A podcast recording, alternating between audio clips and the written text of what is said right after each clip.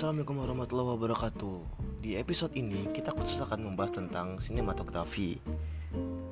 Dan sebenarnya ini adalah pokok fokus mata kuliah di audiovisual 2 Jadi kemungkinan banyak pendengar yang dari mahasiswa.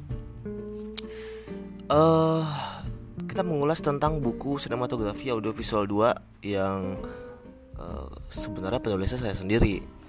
Nah saya akan menjelaskan secara singkat apa itu sinematografi seperti dalam buku ini. Boleh disimak ya yang lain. Sinematografi uh, itu memang harus kita tahu dulu dasar dari sinematografi sebelum kita mau mengetahui tentang sinematografi itu. Nah, dilihat dari kata sinematografi sendiri, ini merupakan serapan dari bahasa Inggris yaitu sinematografi dengan dasar kata lain atau dari bahasa Latin ya, yaitu kinema yang berarti gambar. Nah, di sini nih saya berharap mahasiswa uh, harus mampu memahami arti dari sinematografi itu dan ruang lingkup sinematografi itu juga. Kemudian bisa membedakan setiap karya audiovisual mana yang memenuhi standar ilmu sinematografi. Oke, kita masuk uh, menurut Brown 2012. Ini suatu satu pakar tentang firman perfilman ya. Sinema adalah bahasa yang di dalamnya terdapat kosakata dan subbahasa tentang lensa, komposisi, desain visual, pencahayaan, image control, continuity, continuity, movement, dan point of view. Yang dengan bahasa ini kita bisa menyebutnya ya sebuah puisi lah. Di sana ada banyak uh, bahasa yang kita kita ungkapkan. Dan sinematografi juga ilmu terapan yang membahas tentang teknik menangkap gambar dan penggabungan atau merangkai gambar yang dapat menyampaikan ide. Sinematografi bukan hanya mengambil uh, apa pengambilan gambar, namun juga meliputi ide, kemudian kata-kata, ada aksi, kemudian ada emosi, tone, dan berbagai format komunikasi nonverbal uh, yang diramu dalam sebuah karya visual. Ini menurut Brown tadi ya di bukunya dia bikinnya tahun 2012 Sinematografi memiliki objek yang sama dengan studi fotografi, yakni menangkap pantulan cahaya yang mengenai benda. Dikarenakan objeknya sama, maka perbedaan peralatan antara fotografi dengan sinematografi ialah pada pengambilan atau menangkap gambar. Fotografi menangkap gambar secara tunggal, sedangkan sinematografi menangkap gambar itu seperti uh, ada rangkaian ya, jadi rangkaian beberapa rangkaian gambar. Penyampaian fotografi memanfaatkan gambar tunggal.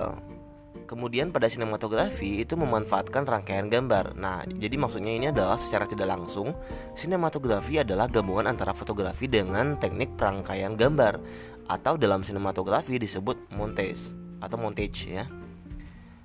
Sinematografi sangat dekat dan masuk ke dalam ruang lingkup film dalam pengertian sebagai media uh, genre, genre seni ya.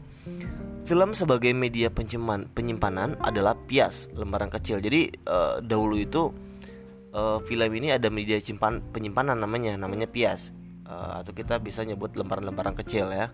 Kayak uh, apa foto-foto lama itu ya ada ada roll film uh, kalau bahasa orang perfilman namanya pias seluloid gitu. Nah, artinya itu adalah sejenis bahan plastik tipis yang dilapisi zat pekat cahaya. Ya, sejenis roll film itu. Nah, benda inilah yang selalu digunakan sebagai media penyimpanan di awal pertumbuhan sinematografi. Film sebagai genre seni adalah produk sinematografi. Subbab berikut ini akan kita jelasin lagi nih perihal istilah film. Kita lanjut ke segmen kedua ya.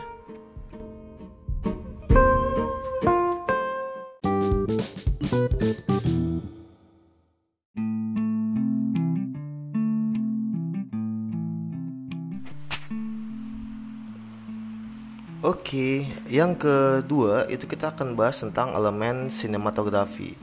Ada Spanish, ah, Spanish ini diartikan sebagai tulang belakang atau kita biasa menyebutnya sebagai fokus inti film. Spinach diambil dari inti cerita. Hal ini terlihat pada tema atau judul film akan menentukan uh, spinach dari karakter-karakter dalam film. Nah, kita bisa mengambil contoh pada film Planet of the Apes. Itu kan ada uh, kera atau simpanse yang menjadi pintar. Nah, uh, Kesar kalau diambil uh, spinnya jadi kayak gini namanya Kesar seekor simpanse Kesar bersama Will sejak masih kecil. Sebuah obat baru membuatnya mampu berpikir dan bereaksi seperti manusia. Ketika mendapat perlakuan buruk, ia pun mulai memberontak. Udah, poin pokoknya di sana, tulang punggungnya di sana. Gitu. Baru kita masuk ke dunia cerita yang lebih, yang yang mendetailkan kejadian-kejadian yang dibahas tadi di di Spines tadi. Terus yang kedua ada main karakter. Di sini punya uh, dua kategori, protagonis dan antagonis. Tokoh utama tidak harus selalu terlihat dalam keseluruhan scene dan sequence. Yang ketiga ada karakter. Nah, cerita harus didukung dengan pendalaman karakter sebagai tokoh yang akan memerankan peran. Karakter akan membangun cerita dalam film menjadi baik atau buruk. Yang keempat, situasi bisa berbuat seperti eh, apa dibuat seperti nyata atau sebuah fiksi. Yang kelima, hubungan dinamis. Poin pentingnya adalah selalu bagaimana satu karakter melihat karakter lain dan inilah pentingnya drama. Yang keenam, wants. Tujuan yang lebih kecil daripada spinners. Yang ketujuh, expectation. Harapan penonton pada karakter yang memberikan adu, uh, aduan atau panduan pada jalan cerita. Yang kedelapan, action. Drama terbentuk dengan action. Karakter melakukan action untuk mencapai tujuan atau when saja ya. Aktor tidak memerankan emosi, tetapi emosi timbul dari action dan wants yang dilatar belakangi oleh hubungan antar aktor dan situasi. Kemudian ada activity.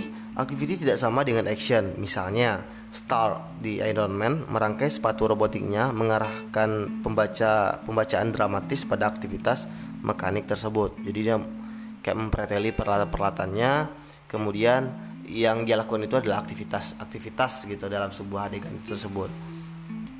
Yang ke-10 ada acting beats. Aksi dalam karya sinematografi tidak boleh datar, tetapi memiliki irama bergantung pada alur cerita. Nah, itulah elemen-elemen sinematografi yang wajib kamu ketahui kalau kamu ingin membuat sebuah proyek sinematografi.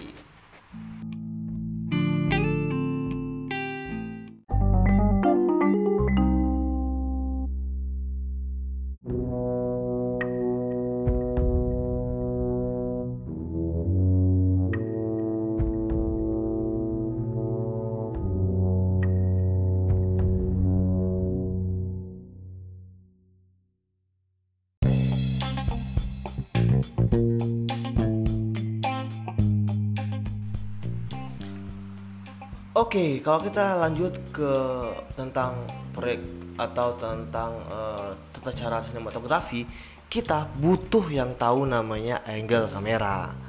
Nah, kalau kamu cuma tahu tiga angle kamera, ternyata ada beberapa angle kamera yang wajib kamu ketahui selain dari tiga yang wajib tersebut ya, seperti uh, high angle, middle, sama low. Nah, yang pertama ada beer eye.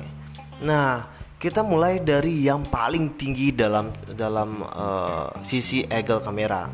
Bill eye atau mata burung merupakan sudut pengambilan gambar yang diambil dari hampir atau malah tidak atau malah di atas objek yang kita foto.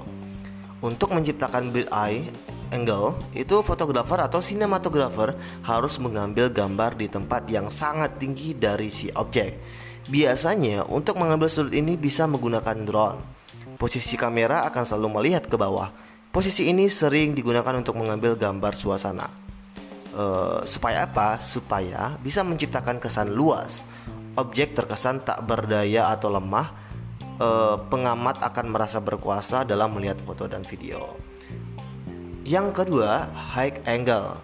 Turun sedikit dari breath eye, ada yang namanya high angle. High angle merupakan sudut pandang tinggi yang diambil di atas objek namun tidak se ekstrim bird eye sehingga muka objek masih bisa terlihat oleh kamera. Bagian kepala objek akan terlihat lebih besar daripada kakinya. Posisi kamera high angle akan selalu miring ke bawah. Untuk apa? Nah, kasarnya adalah objek terkesan kurang berdaya seperti tadi masih terlihat lemah. Terus pengamat akan merasa ya berkuasa dalam melihat uh, video atau foto yang dilahirkan. Yang ketiga ada eye level atau normal angle atau strike angle. Nah, sudut ini adalah sudut pandang atau angle yang umum digunakan. Pada angle ini lensa kamera dibidik sejajar dengan tinggi objek. Posisi dan arah kamera memandang objek yang akan dipotret layaknya mata kita melihat objek secara biasa. Pengambilan angle ini kebanyakan untuk memotret manusia dan aktivitas atau human interest. Hal ini sejatinya sama dengan middle eye atau uh, apa pandangan yang uh, standar bagi sisi sisi manusia ya. Nah, bagaimana kesannya? Kesannya apa yang kita lihat itu itulah yang sebenarnya. Proporsi terlihat seimbang dan netral. Yang keempat ada low angle. Nah, turun dari eye level ada yang namanya low angle atau sudut pandang rendah. Sudut pandang ini berada di bawah kepala objek. Posisi kamera akan selalu miring ke atas. Namun, muka dari objek masih bisa terlihat. Kaki objek akan lebih besar dan kepala dari kepala objek maksudnya ya. Posisi ini sering digunakan dalam film superhero. Nah, eh, apa kesan yang terlihat? Kesannya adalah objek terlihat kuat, besar, dan kokoh. Pengamat akan terlihat takjub secara dan semakin tidak berdaya. Nah, yang terakhir ada frog A ya, dengan katanya sudah sudah kodok ya. Jadi ini adalah mata kodok yang di mana merupakan sudut pandang kamera terendah.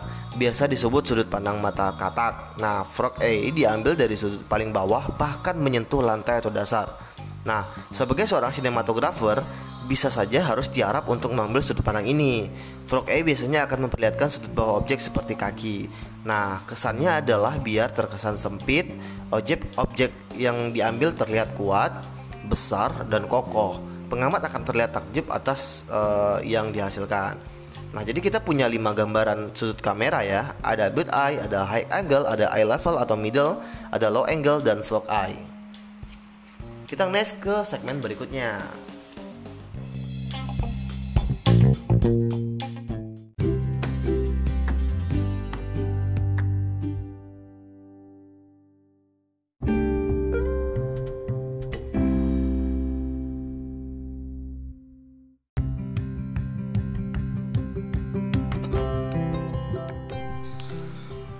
Berbicara tentang film, hmm, film apa sih yang sering kamu tonton? Tapi kamu tahu nggak sih apa kepanjangan atau bukan kepanjangan sih? Apa e, makna dari arti kata film? Nah, film biasa diartikan sebuah media komunikasi yang bersifat audiovisual untuk menyampaikan suatu pesan. Pesan film pada komunikasi massa bisa berbentuk apa saja tergantung dari misi film tersebut. Nah, dewasa ini terdapat berbagai ragam film Meskipun cara pendekatannya berbeda-beda, semua film dapat dikatakan mempunyai suatu sasaran, yaitu menarik perhatian orang terhadap muatan-muatan masalah yang dikandung. Selain itu, film dapat dirancang untuk melayani keperluan publik uh, yang hubungannya terbatas maupun publik yang hubungannya seluas-luasnya. Pada dasarnya, film dapat dikelompokkan ke dalam dua pembagian besar, yaitu film bercerita atau non cerita. Pendapatan lain, penggolongan film yang uh, ada itu adalah fiksi dan non fiksi. Nah, film cerita adalah film yang diproduksi berdasarkan cerita yang dikarang dan dimainkan oleh aktor dan artis. Pada umumnya, film cerita bersifat komersial, artinya dipertunjukkan di bioskop dengan harga karcis tertentu atau diputar televisi dengan dukungan sponsor iklan yang tertentu juga. Nah, film non cerita adalah film yang diambil uh, atau yang mengambil kenyataan sebagai subjeknya yaitu merekam kenyataan dari pada fiksi atau tentang kenyataan yang eh, yang telah atau peristiwa-peristiwa ya yang telah terjadi seperti ya film dokumenter dan biografi dan segala macamnya. Hal ini diungkapkan oleh eh, Sumarno pakar eh, film itu di bukunya tahun 1996. Nah, kamu tahu nggak sih ada beberapa jenis film? Nah, sebenarnya ada ada banyak jenis film yang telah hadir di era-era zaman sekarang ini ya. Nah, semakin berkembangnya teknologi, tentu akan semakin banyak jenis-jenis film yang akan dikembangkan lebih jauh lagi. Kebanyakan perusahaan yang membuat film akan menggarap film yang memiliki nilai jual karena produksi film tidak lepas dari komoditi ekonomi. Kemudian di lain di lain sisi tidak tertutup kemungkinan perusahaan film juga membuat film yang berangkat dari idealisme seperti dikarenakan berangkat dari nilai visual yang telah menjadi jiwa sebagai genre seni. Nah, Berikut adalah jenis-jenis film. Yang pertama, film horor. Film ini biasanya bercerita tentang hal-hal mistis, supranatural, berhubungan dengan kematian, atau hal-hal yang luar nalar yang lain. Film horor ini memang dibuat menyeramkan agar penonton ketakutan dan merasa ngeri. Kedua, film drama. Film-film dengan kategori ini termasuk lebih ringan dibandingkan film horor. Umumnya bercerita tentang suatu konflik kehidupan. Macam-macam film drama bisa kita kategorikan sesuai dengan tema dan ide ceritanya. Yang ketiga, film romantis. Film yang berkisah tentang konflik percintaan antara manusia. Ya, contohnya aja kalian bisa lihat film Dilan 1991 yang tayang 2019 kemarin ya. Yang keempat, film drama keluarga atau family. Film ini umumnya memiliki kisah yang cukup ringan, ide cerita dan konfliknya mudah dijelaskan. Film ini juga cocok untuk ditonton oleh anak-anak kecil. Yang kelima, film kolosal. Kolosal sendiri berarti luar biasa atau eh maksudnya luar eh, biasa besar ya karena berhubungan dengan kata-kata kolosal. Film Jazz ini umumnya diproduksi dengan dana yang sangat banyak dan melibatkan banyak sekali pemain, mulai dari pemeran utama sampai figurannya. Biasanya sih film kolosal hampir selalu bertema sejarah atau zaman kuno yang menampilkan adegan peperangan besar kalau kita lihat contohnya bisa jadi film Gladiator itu memiliki uh, apa masa yang cukup banyak ya dan film The Last Samurai 2003 itu banyak banget yang dibutuhkan pemain figurannya. Yang keenam ada film trailer. Nah film trailer ini sedikit agak lama deh, agak agak sama dengan film horor, tapi juga ada perbedaannya sih. Nah hal ini dikarenakan kenapa sama film bagian trailer ini sama-sama membuat acting eh, apa jantung itu berdebar-debar seperti saat nonton film horor. Bedanya, film trailer film trailer ini tidak berkisah tentang sesuatu yang mistis atau supernatural. Tapi film trailer ini sendiri dapat diartikan sebagai film yang menegangkan. Macam-macam film trailer eh, banyak beredar biasanya berkisah tentang pertolongan hidup atau pengalaman yang buruk, kemudian berkaitan tentang kematian atau pembunuhan. Yang kedelapan, film komedi. Nah, film ini disuguhkan dengan banyak adegan komedi dikarenakan memang menarik penonton untuk tertawa atas kejadian atau karakter yang diciptakan dalam film. Yang kesembilan, film misteri. Nah, film misteri adalah film yang mengandung unsur teka-teki. Film jenis ini cukup banyak peminatnya karena jalur film yang tidak mudah ditebak. Para penonton pun dipastikan betah mengikuti ceritanya karena jawaban teka-teki akan disuguhkan di akhir film. Yang ke-10 film action atau laga. Seperti namanya, film ini mengandung aksi-aksi yang menegangkan. Biasanya ada banyak adegan perkelahian, e, saling kejar-kejaran atau aksi menggunakan senjata api. Yang ke-11 sci-fi atau science fiction. Nah, science fiction ini mencakup tema-tema yang luas dan mempunyai uh, subgender subgenre eh, maksud saya yang mengakibatkan sulit untuk didefinisikan secara jelas. Uh, science fiction ini uh, yang uh, ini uh, salah satu khususnya itu adalah elemen-elemen uh, imajinasi ya yang berkaitan erat dan mempunyai kemungkinan untuk dijelaskan menggunakan sains atau kema kemajuan teknologi yang berdasarkan pada hukum alam yang dituangkan pada postulat-postulat sains. Jadi bisa dibuktikan lah ya. 12 itu film animasi atau kartun. Nah, film kartun adalah sinematografi yang dikategorikan sebagai bagian integral film yang memiliki ciri dan bentuk khusus. Kenapa? Karena begini, secara umum film merupakan serangkaian gambar-gambar diambil dari objek yang bergerak. Nah, gambar objek tersebutlah kemudian diproyeksikan ke sebuah layar dan diputarkan dalam kecepatan tertentu hingga menghasilkan gambar hidup. Sedangkan film kartun dalam sinematografi adalah film yang awalnya dibuat dari tangan dan berupa ilustrasi di mana semua gambarnya saling berkesinambungan. Nah, yang ke-13 film pendek. Durasi film cerita pendek biasanya di bawah ya 60 menit lah di bawah itu ya. Di banyak negara seperti Jerman, Australia, Kanada, Amerika dan juga Indonesia, film cerita pendek dijadikan laboratorium, laboratorium eksperimen dan batu loncatan bagi seseorang kelompok untuk kemudian memproduksi film cerita panjang. Nah, jenis film ini banyak dihasilkan oleh para mahasiswa yang jurusan film atau juga mahasiswa di kafe. Kemudian eh, apa namanya tuh film ini film pendek ini memang dikhususkan untuk uh, hasil produksi-produksi yang dipasok untuk produksi-produksi rumahan gitu atau saluran televisi atau hanya saluran hiburan hiburan. Yang 14 adalah film dokumenter. Nah, film dokumenter menyajikan realita melalui berbagai cara dan dibuat untuk berbagai macam tujuan. Namun harus diakui, film dokumenter tak pernah lepas dari tujuan penyebaran informasi, pendidikan, dan propaganda bagi kelompok tertentu. Secara jelasnya bahwa dokumenter tetap berpihak pada hal-hal senyata mungkin, menurut Hadi Nurgoho tahun 2013. Oke, begitulah jenis-jenis film yang harus kamu ketahui. Kita lanjut ke segmen berikutnya.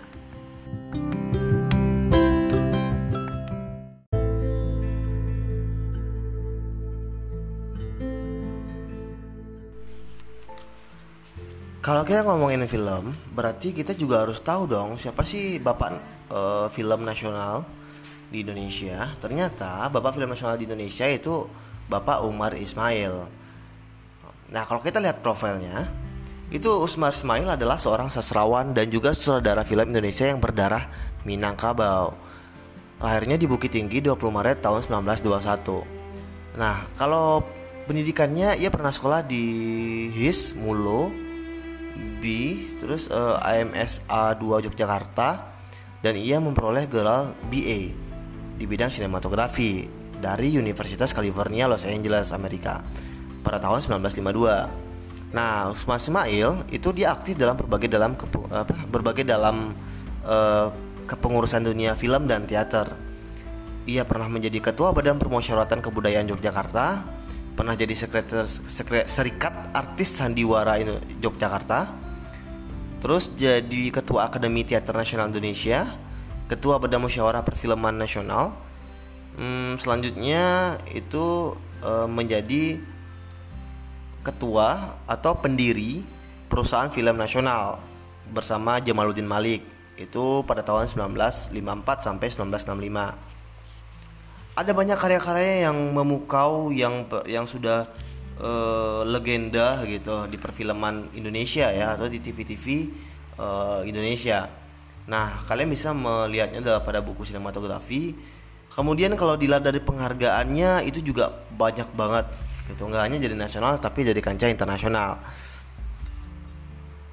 Nah, jadi eh, intinya adalah uh,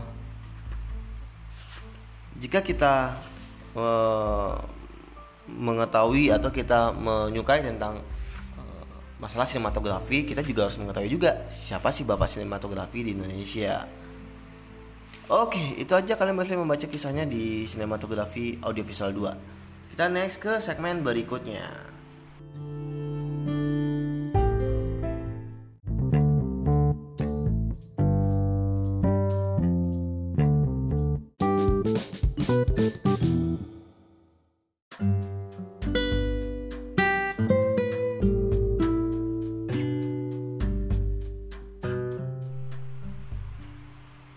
Ingin membuat produksi film pendek, wah, gampang banget. Tapi tetap harus tahu tahapan-tahapannya ya. Nah, tahapan produksi film itu uh, sebenarnya ada cukup banyak juga, tapi akan disimpulkan menjadi beberapa bagian.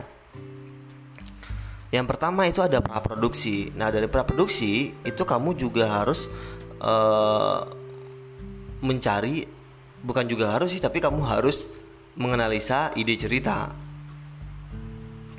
Sebelum membuat film, kita harus menentukan tujuan pembuat film. Jika tujuan telah ditentukan, maka sebuah detail cerita dan pembuatan film akan terlihat lebih mudah. Jika perlu diadakan observasi dan pengumpulan data, ya silakan saja. Misalkan tujuan kita untuk apa dulu nih? Apakah tujuannya sebagai pesan uh, kultur, budaya, atau sebagai pesan buat anak-anak muda, atau sebagai pesan uh, aksi pada peristiwa hari-hari ini gitu kan boleh aja. Tapi jika kalian menemukan tujuan kalian pasti akan lebih murah untuk merangkai cerita. Terus berikutnya adalah menyiapkan naskah skenario. Dalam menyiapkan naskah kalian harus e, membuat naskah seperti cerita. Bisa mengambil dari e, cerpen novel atau film yang sudah diadaptasikan dari naskah lain seperti itu ya. Nah, setelah naskah disusun, maka perlu diadakan breakdown naskah. Breakdown naskah dilakukan untuk mempelajari rincian cerita yang akan dibuat filmnya. Jadi kalian nggak bisa langsung bikin uh, skenario, kalian harus bikin naskah dulu. Kalian nggak bisa bikin uh, naskah uh, actingnya, tapi kalian harus bikin ide ceritanya dulu seperti itu. Jadi kalian harus menceritakan pikiran apa yang ada atau kegiatan apa yang akan dilakukan dalam adegan-adegannya nanti gitu. Ya yang penting diceritakan lah dulu sebelum kalian memulainya. Yang keempat menyusun jadwal. Nah ini paling penting. Kenapa? Ketika kita mulai untuk memproduksi kita harus menyusun jadwal dan membuat timelinenya. Buat apa?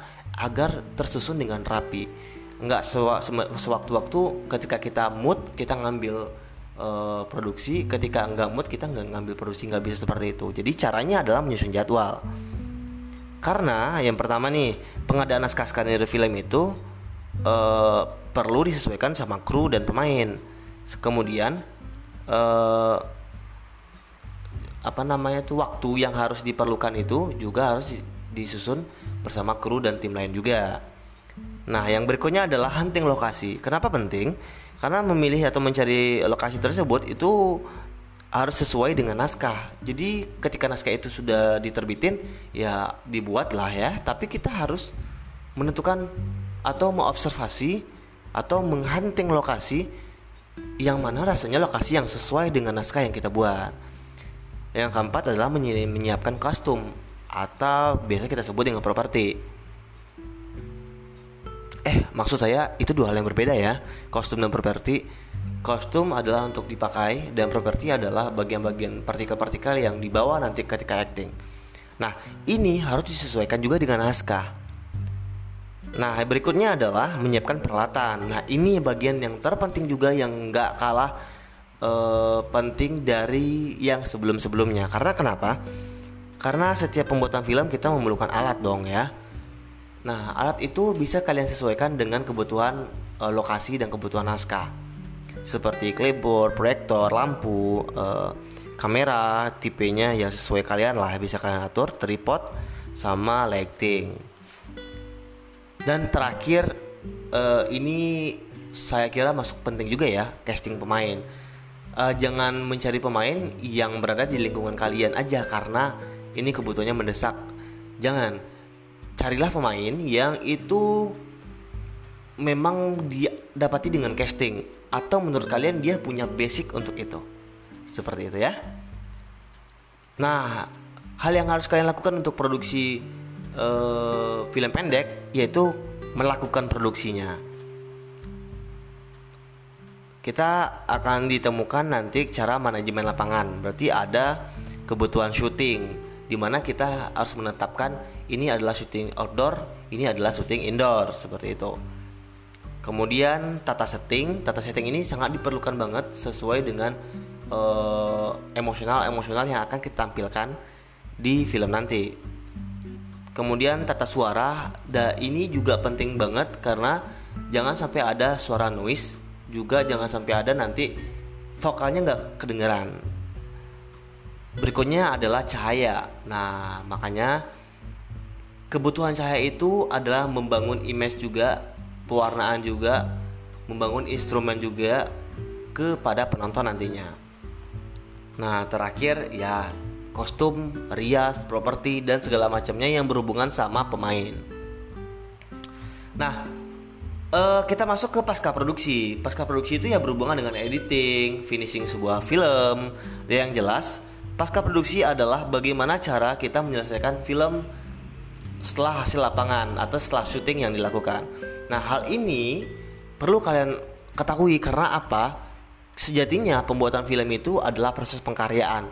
Jadi jika kalian tidak memperhatikan sisi-sisi terkecil seperti ini atau sisi-sisi terbesar seperti ini, maka film kalian dipastikan pasti jadi tidak bagus. Itu sih yang paling penting yang harus kalian ketahui.